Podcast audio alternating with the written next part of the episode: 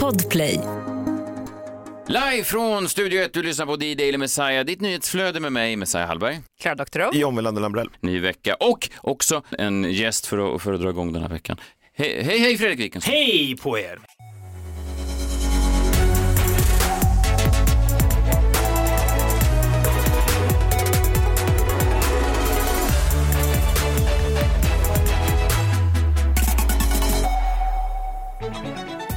Drar jag igång veckan? Har jag den Ja. kvaliteten? Sitter jag på det? Det är jag kapabel till det? Är det sånt man kallar in för att dra igång veckan? Ja, I'll take it. Ja. Jag kommer ihåg en gång när jag eh, skulle hämta mat på något ställe i Bromma och eh, Erik Haag som jag aldrig hade träffat då stod och före mig i kön och så vänder han sig om och ser han mig och så säger han du är en sån där man blir glad av att se. Och då tänkte jag, är det det jag är? Och så levde jag på det länge efter det. Han kan ha varit ironisk, det vet jag inte. Men nu känner jag att det kanske kan ersättas av att jag är en sån som kan dra igång en vecka. Ja, Bra. Det är du. Ja, verkligen. Eh, sist du var här, jag tror att det kan ha varit den här studion på Bauer Media, det var väl lite drygt två år, en vecka som var väldigt konstig, eh, i alla fall för mig och Klara, eh, för, jag vet inte, för hela mediesverige. Det var ju bara dagar efter Adam Alsing hade gått bort. Minns det här mycket väl. Jag tror Ja. inte att det var i det här rummet, det var ett rum som var lite längre österut tror jag. Ja, jag Vi var så chockade då. Ja. Liksom. Det Ja. var ju, Det var ett väldigt speciellt rum att kliva in i får jag säga. Och det var ju otroligt, ja det fan vad tumultartat alltså. Ja, men du gjorde en fin grej då. Du drog en historia, det involverade då Adam Alsing och eh, O'Hare-flygplatsen i Chicago om jag minns rätt. Ja, ja. ja men jag minns bara någon, det, det, det var så var speciellt, eller mycket, var mycket så speciellt med Adam, men att när man hade julfester med Kanal 5, vilket då jag hade många gånger med honom, då var han ju alltid, gjorde alltid morgonradio så han sköt ut sig själv. Han söp som ett svin mellan 6 och 9 så att säga. Och sen stack han, för han skulle upp och göra sitt jobb och det missade han ju aldrig medan alla andra började bli riktigt fulla vid 9. Så han var ju full fort då, först av alla. eh, och Martin Björk sa- satt och såg chockad ut en bit bort och så tänkte den här, den- här killen har startat tidigt. Men då minns jag i alla fall att han jämförde sitt könshår med en bild av O'Hare-flygplatsen uppifrån. En slags drönarbild, myllrigt och liksom att det spretade ut över, över eh, en, en stor eh, area. Eh, och det, det tyckte jag var nästan outplånligt överraskande, den liknelsen. Ingen annan sitter på den verbala förmågan tycker jag. Nej, vi ska faktiskt, jag och John ska till eh, Chicago för första gången här i, eh, i sommar Ja. och det kommer vara svårt tror jag när man landar på O'Hare. Och inte titta ut genom Nej, men att fönstret inte tänka Adam Ja. sätt. Och det är väl fint. Jag, jag känner inte Adam så väl som ni gjorde, men jag tror ändå han skulle gillat det. Ja, Det tror jag. Det tror jag. För att eh, en, ja, fasen, ett halvår innan han dog eller någonting så hade hänt en, en ganska tragisk grej i, i, i hans närhet. Mm. Och så kommer han in på måndagen och frågar man hur var det? Och då hade han eh, direkt eh, den typen av skämt kring, Ja. kring det hela. Eh, och det, jag vet inte, det gjorde mig glad bara när du drog den här historien. Och det Ja, men jag tycker alltid eh, att det är, det, det är så, folk har ibland en, man, alla måste ju få känna hur de känner och vara i de sinnestillstånd de vill vara, men ibland så kanske folk har en övertro till att nu är jag så här och nu kan jag bara vara så här, nu mår Ja. jag så här, då kan jag bara må så här, men egentligen vill man också kunna må på flera sätt samtidigt och när någon då kan öppna upp för det, om det är en Adam-figur eller vad det är, så blir man alltid väldigt tacksam tycker jag. Verkligen. Att det visar att nej, men man behöver inte vara fast i den här tangentens riktning. Liksom. Nej, nej, det är fint. Jag, jag tycker ofta det, det, men det är också en skiljelinje tycker jag, bland folk. De som kan stå på en begravning och eh, dra ett skämt. Och de, det finns alltid de som blir direkt eh, illa till mots då och tänker, men nu är vi inte i den där sinnesstämningen. Alltså, det, nu ska vi vara så här och inte så. Och det tycker jag, jag tycker alltid bättre om den andra typen, de som kan skratta, även fast det ligger en... men jag hade stålsatt, jag och Filip var på Frank Anderssons begravning för några år sedan och då hade vi liksom, eller jag Vilken hade, av dem? För det var ju, man fick en hel del Ja, jag inbjudningar. trodde vilken Frank Andersson. Ja, men det var, fanns, han var också lite fanns, besatt många olika personligheter. Men han hade en, det, det slogs ju om exfruarna då, vilken som skulle få den officiella begravningen. En i Trollhättan och en i Stockholm. Vi var ju på den kändistäta i Stockholm Just just med Dr. Alban och Gio Waldner och alltihopa. Och det var en väldigt speciell eh, tillställning på massa sätt. Bland annat då för att Patrik Isaksson, artisten, sjöng någon fin låt. Och det var tajmat till någon slags eh, bildspel på Frank, på någon stor, eh, som han, någon av hans fruar då hade satt, satt samman på någon duk bakom Patrik Isaksson. Men grejen var att Patrik Isakssons låt var mycket längre än bildspelet. Så att när låten fortfarande pågick så var ju bildspelet slut. Och då var det liksom en Samsung eller HP-logga som studsade fram och tillbaka bakom honom. Som en skärmsläckare typ. Men det visste ju inte han så han var ju mitt inne i sin låt. Och då kan man ändå sitta och tänka att det där är perfekt för den här begravningen. Han, var inte, han var inte sponsrad av Samsung då? Ja, men- Att tänker att det var någon liten kan inte utesluta det heller. Men då hade jag i alla fall tänkt så här, ska jag göra något sånt här? Så jag hade liksom ändå preppat något skämt att dra för att få det här och liksom, men när man väl kommer dit, det är lätt att banga då. Det är Ja. lätt att bara tänka, nej, det är, det är inte lämpligt. Så jag, jag, jag Du gjorde det inte? Nej. nej, nej, nej, det gjorde jag verkligen Nej, det bygger ju lite på att man har den positionen kanske i sammanhanget också. Alltså, Jag bygger på att man har träffat honom mer än en gång i en tv-studio. ja, än att du börjar Ja. dra en stand-up-rutin. Nej, men- om man vill youtuba, det mest klassiska exemplet på det är ju när Monty Python-medlemmen Graham Chapman dog och John Cleese håller tal och börjar innerligt i 20 sekunder och sen säger han typ good riddance you freeloading bastard. Där, och så bara sågar han honom, eh, du vet, eh, i två minuter och folk viker sig av skratt. Det är perfekt, men då har ju de jobbat och känt Ja, varandra det i bygger, 25 det bygger år. lite på det. Bygger på det. Ja, det bygger på det. Du, hur, eh, när du poddar med, med Filip, hur um, eh, gör ni? Har ni någon slags manuskript? Är Filip bra på att läsa sina repliker? Finns det några cues? Det finns verkligen ingenting sånt. Jag tror att jag ibland har haft ambitionen kanske att ha någon slags tes och någon slags så här, nu ska jag dra ett resonemang här. Problemet med om, om det resonemanget skulle börja med, jag såg John Lundvik på stan och så skulle jag ta det vidare, så då skulle Filip säga John Carpenter och så skulle han börja prata om någonting annat och sen kommer jag aldrig tillbaka till det där ändå. Så jag har gett upp alla sådana ambitioner så vi, har, vi får ju den frågan ibland. Folk vill ju höra att det är improviserat, folk vill veta hur det går till och sådär men då det Verkligen på gott och ont. Det skulle säkert bli bättre ibland om vi var mer förberedda, men för oss är det så här, vi hinner inte riktigt, vi har så mycket annat så att det är liksom en timme rakt av och ibland blir det skit och då mår man skit och ibland känner man, det där blev ändå någonting för att vi hittade någon slags Ja men du vet, det studsar fram och tillbaka och man kan liksom hitta syre i varandra. Så folk säger sig, blir du inte sur när Filip avbryter dig? Nej, för att om jag hade pratat tio sekunder till hade jag inte haft någonting kvar. Så att det, det kräver lite grann att vi avbryter varandra för vi har inga färdigt formulerade tankar riktigt. Nej. Så att, så, men det är som sagt, det är inget skryt utan det, det är skit och, ofta på grund av det. Så att, men så ser det ut bara. Men ni har ju ändå orkat så pass länge tänker jag, så det måste ju ändå finnas någon form av eh, ingrediens i det som är framgångsrik. Ja, men jag kan tro att det, jag kan ju lyssna på vissa poddar ibland när jag märker att det är liksom riktigt så här förberett och det kan bli lite stelt och dött av det också. Alltså jag, när jag Nu är hör- inte, nu är inte Sigge Eklund här. Kan försvara sig.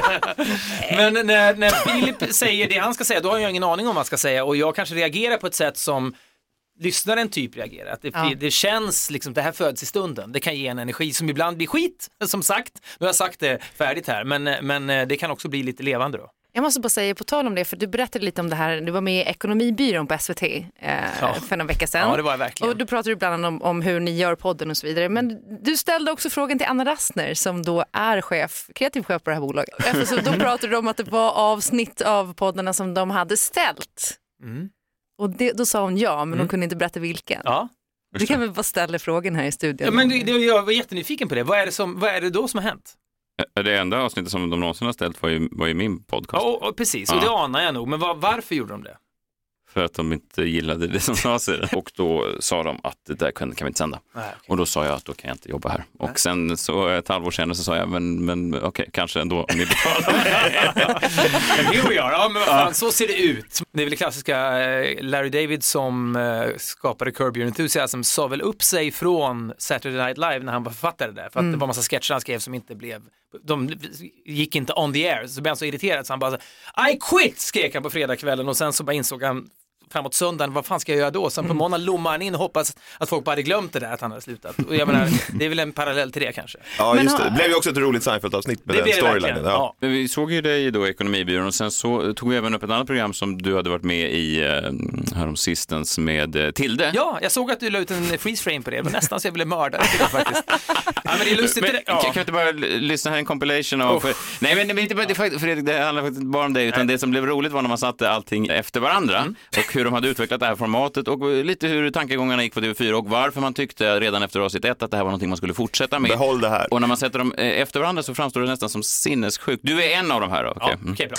Ni vet vad som gäller nu. Tjejer. Klassfoto! inte tråkigt alls. Och det är inte det här heller, för nu har det blivit dags. Skolfoto! Den här veckan så återstår bara en enda sak och det är klassfoto! Det blir ju ett bra sätt att välkomna sommaren på.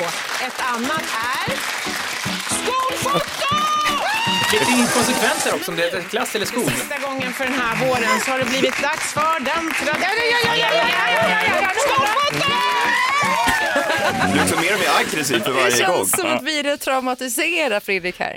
Usch, nej men det är lustigt, det är också alltid jobbigt när man då, det blir uppenbart att jag aldrig har sett det här programmet när jag fattar ju ingenting, vad fan pratar de om skolfoto och sen helt plötsligt hoppar de ner i mitt knä. Tänk om man hade dragit korsbandet på mig eller någonting, då hade jag kunnat stämma hela Bonnier kanske på någonting. Ja. Nej det var en chock, det, jag vet, det är inget kanonstarkt moment. Nej, ska vara hård det, men det. jag, jag, vi känner inte varandra eh, jättebra, vi har setts några gånger genom år, men eh, av min snabba hobbyanalys av dig Mm. Så känns du lite eh, liknande mig att du ibland kan gilla att ha lite kontroll över situationer och, Ja, och, och, och sådär, att man Ja. inte vill vara helt utlämnad i andras händer och så vidare. Framförallt Och- inte fysiskt uh, utlämnad. Framförallt tar Tilde de. Paula flyger på en. Nej, Nej. jag vet inte. Det där liksom, va, hur hade det sett ut? Jag menar, vi har haft mycket skitdåliga moment i våra program genom. Men Om det skulle sluta med att Filip hoppar och landar på gästerna, det skulle ju folk, det skulle inte, jag vet, vad skulle folk tycka om det? Det är någonting, ja jag vet inte, det kanske är kvinnornas tur. Ja, kanske. det är kvinnornas tur, de Men- måste få göra det. Menar det, här, det var det de fick efter Ja, exakt. hundratals år Ja, av förtryck? Ja, nu är det fritt fram Nu får de åtminstone hoppa på. Nej, det, där var, det var vad det var helt enkelt.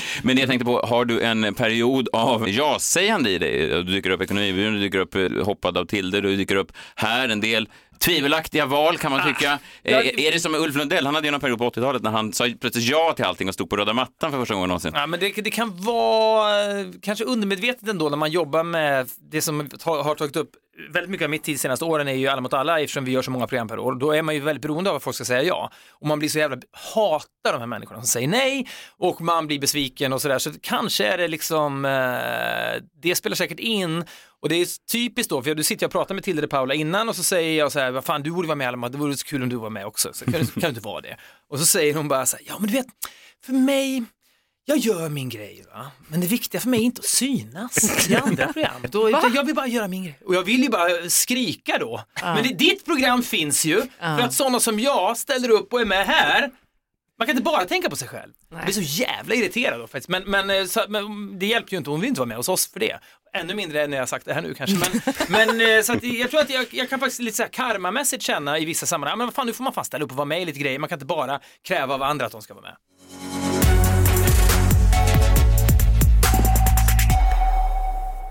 Ni pratade lite om i podden om att ni skulle göra någon eventuellt inspelning eh, utomlands. eh, Så, Ja. För jag tänker med pandemin och så, här, ni har ju liksom varvat lite grann, typ Alla mot alla studioprogram med res-tv eller liksom så. Ja, har ni något sånt för, på gång? ja, sen pandemin har ju det inte gått alls. Men vi har, vi har en grej vi håller på med nu som jag kan inte, den, är, den är fortfarande väldigt mycket up in the air och massa olika hälsoskäl och sånt där. Det är väldigt stökigt alltihopa. Men vi håller på med en grej som vi kanske ska dra igång med om ett par veckor och när vi ska ut och resa. Men jag kan inte säga så jävla mycket om det, Nej, tyvärr. okej. Tråkigt, men det är för att jag, det är 50-50 på att det blir av ens. Okej, har du saknat det? Liksom? Jättemycket. Det, vi var ute en sväng i höstas och då var vi tvungna att avbryta också av en massa kaotiska skäl. Men det är någonting bara med att när man står liksom i någon liten by i Tyskland och knackar på och så öppnar en man med stenhårda glaserade naglar Ja. och som, som har en penna bakom. Du vet, man, man, det är någonting i den där ehm, det har vi nog älskat mest av allt. Man knackar på en dörr, man vet inte riktigt vem som står där bakom. Det är framförallt inte uppstyrt.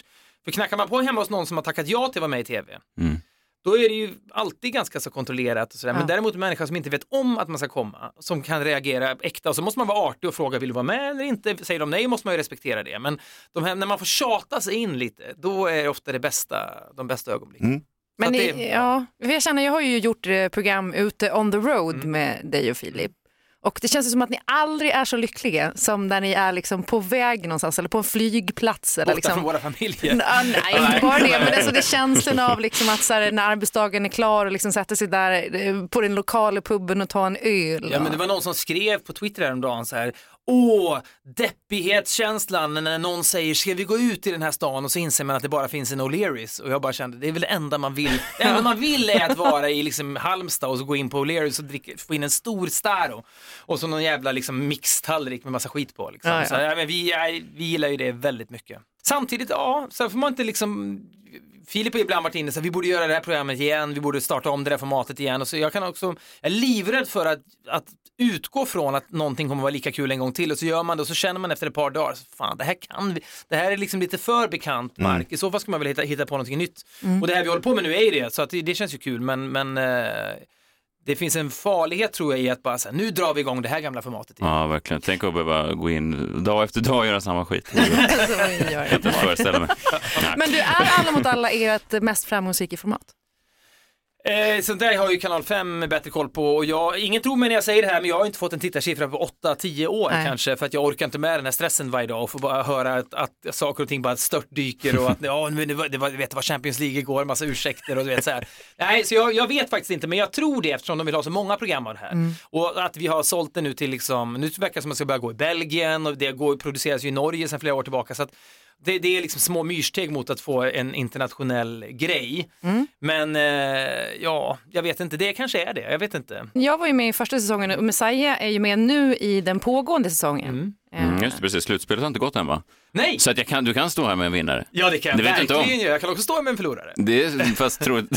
Vad tror du? Alltså, har han chanser att vinna? Nej men eh, så här, jag tyckte ju att Messiah, ni, båda ni har ju varit väldigt, väldigt bra tycker jag när ni har varit med. Det, det, det är någonting med det, är, det, finns så, det är så speciellt med människor när man, när man ska kasta till en frågesport. För Janne Josefsson är ju ett sånt där paradexempel på första minuten när man sitter med honom och han inser att han kan ingenting och så tänker man för sig själv först, det är katastrof för det är någon slags default mode, folk ska ju kunna mycket. Och om han inte kan mycket då är det inte alls bra för det förväntar sig ju folk att han ska kunna. Och sen inser man efter ett nej nej nej, grejen här är att han har helt egna funderingar på vad Cecilia Frode också.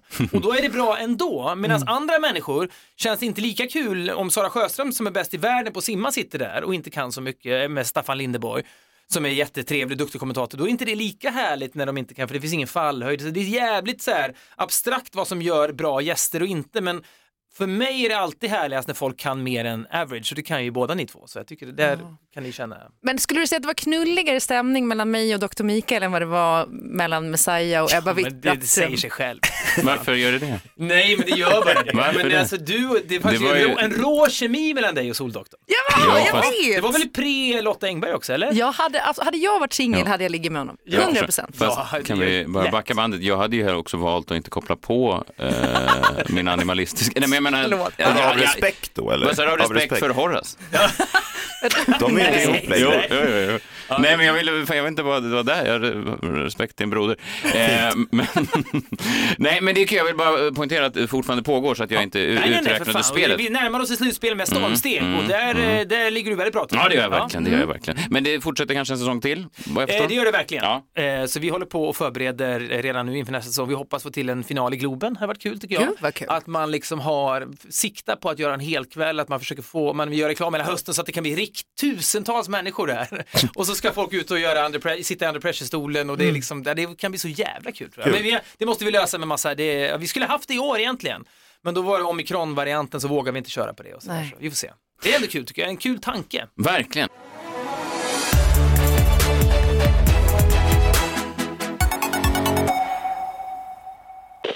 Ett poddtips från Podplay.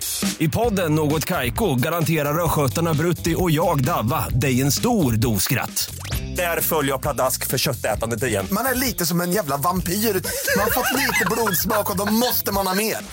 Udda spaningar, fängslande anekdoter och en och annan arg rant. Jag måste ha mitt kaffe på morgonen för annars är jag ingen trevlig människa. Då är du ingen trevlig människa, punkt. Något Kaiko, hör du på Podplay. Därför är gardinerna.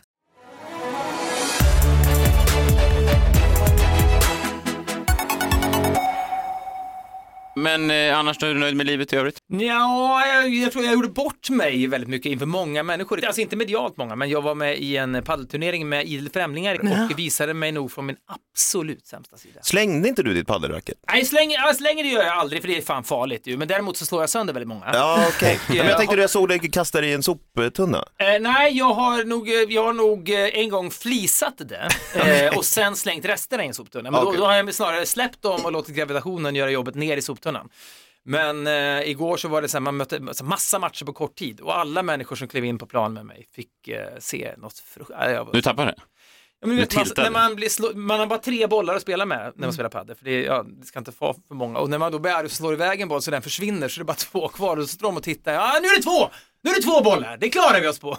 och så, ja du vet, och det är, aj, ja, ja, och sen det var prisutdelning, jag var med i match som sjunde pris eller något sånt där och så då drog jag innan det var pris. Nej, ja, fy fan jag mådde dåligt alltså. Men vem jag, jag spelade hoppade in i bilen och tänkte så här, jag vill inte ens åka hem nu. Vem spelar du med? Har Jag du- spelade med en kille som heter Dejan Kokorille som jobbar på P4 Stockholm. Okej. Så att han, är, han var också skitdålig. Jag ska inte sitta här och lita honom. Han spelar som skit han också. Men jag hade verkligen känslan, jag vill hoppa in i bilen nu, åka norrut från Sigtuna och Vadå fly på grund av Ja, padel? men jag, vill inte, jag, vill inte åka, jag vill inte träffa någon och så kommer jag hem så är svärmor där, ska man vara trevlig på någon middag. Ja, nej. Nej, nej. Lägg Så att jag ner. mår sådär helt enkelt. Men det här har lyft min eh, dag lite grann. Ja, vad bra. Mm. Ja. Spelar du tennis också eller? Eh, nej, jag gjorde det lite grann förr men det är svårt tycker jag. Tycker du det? Ja, Mm. padel är mycket lättare. Men eh, ja, det är inte bra för mig. Nej, Eller fast, för någon. fast det är lite, är det, tycker inte det är lite härligt för jag spelar tennis med olika veteraner och gubbar och sånt där. Mm. Och eh, det finns ju någonting i en eh, tävlingsfaktor som man liksom saknar eller i alla fall jag saknar det resten av livet. Mm. Att, att det finns något härligt i att tappa det sådär. Jag, jag fick stryk av någon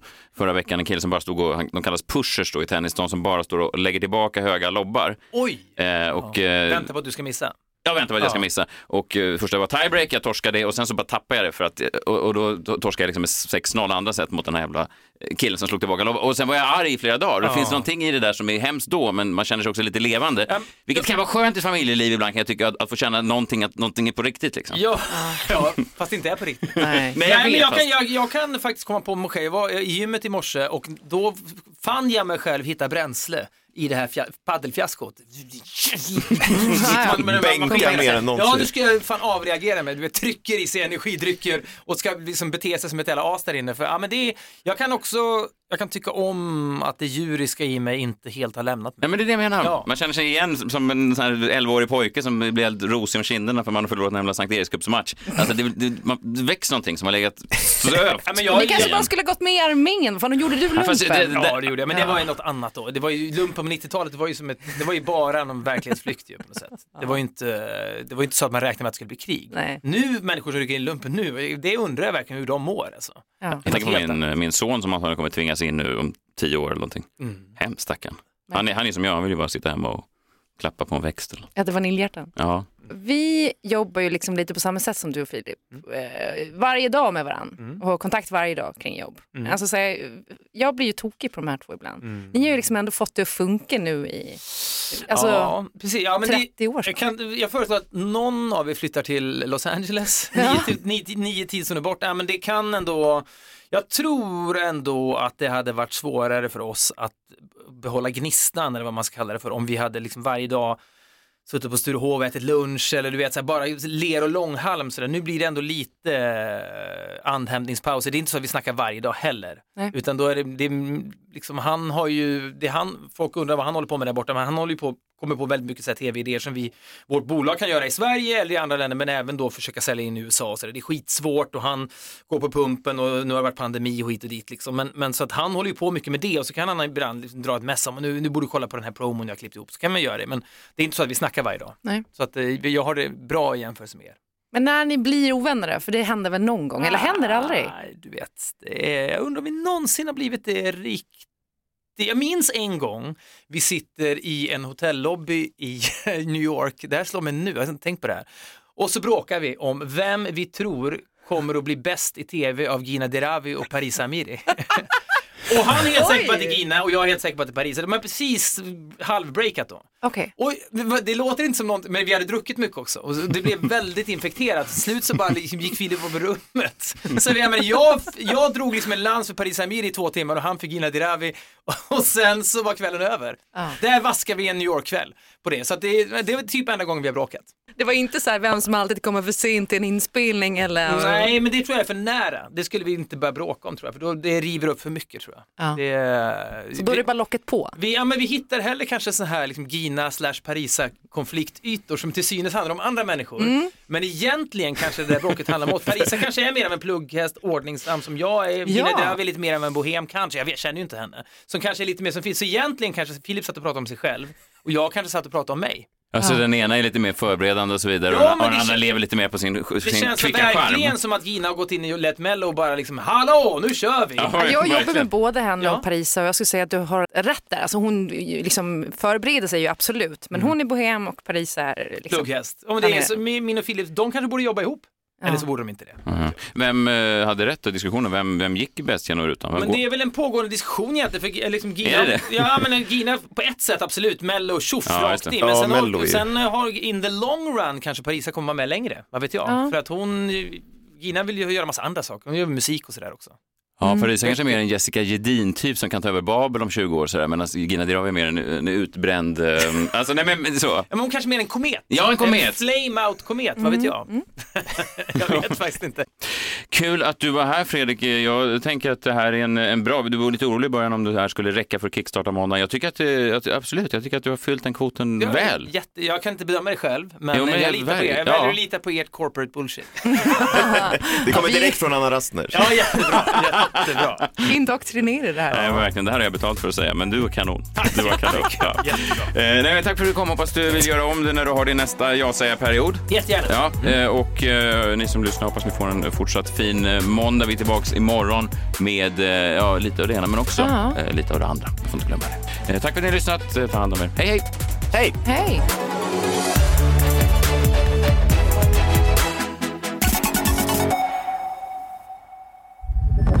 Podplay, en del av Power Media. Ett poddtips från Podplay. I fallen jag aldrig glömmer djupdyker Hasse Aro i arbetet bakom några av Sveriges mest uppseendeväckande brottsutredningar. Går vi in med hemlig telefonavlyssning och, och då upplever vi att vi får en total förändring av hans beteende. Vad är det som händer nu? Vem är det som läcker? Och så säger han att jag är kriminell, jag har varit kriminell i hela mitt liv men att mörda ett barn, där går min gräns. Nya säsongen av Fallen jag aldrig glömmer på Podplay.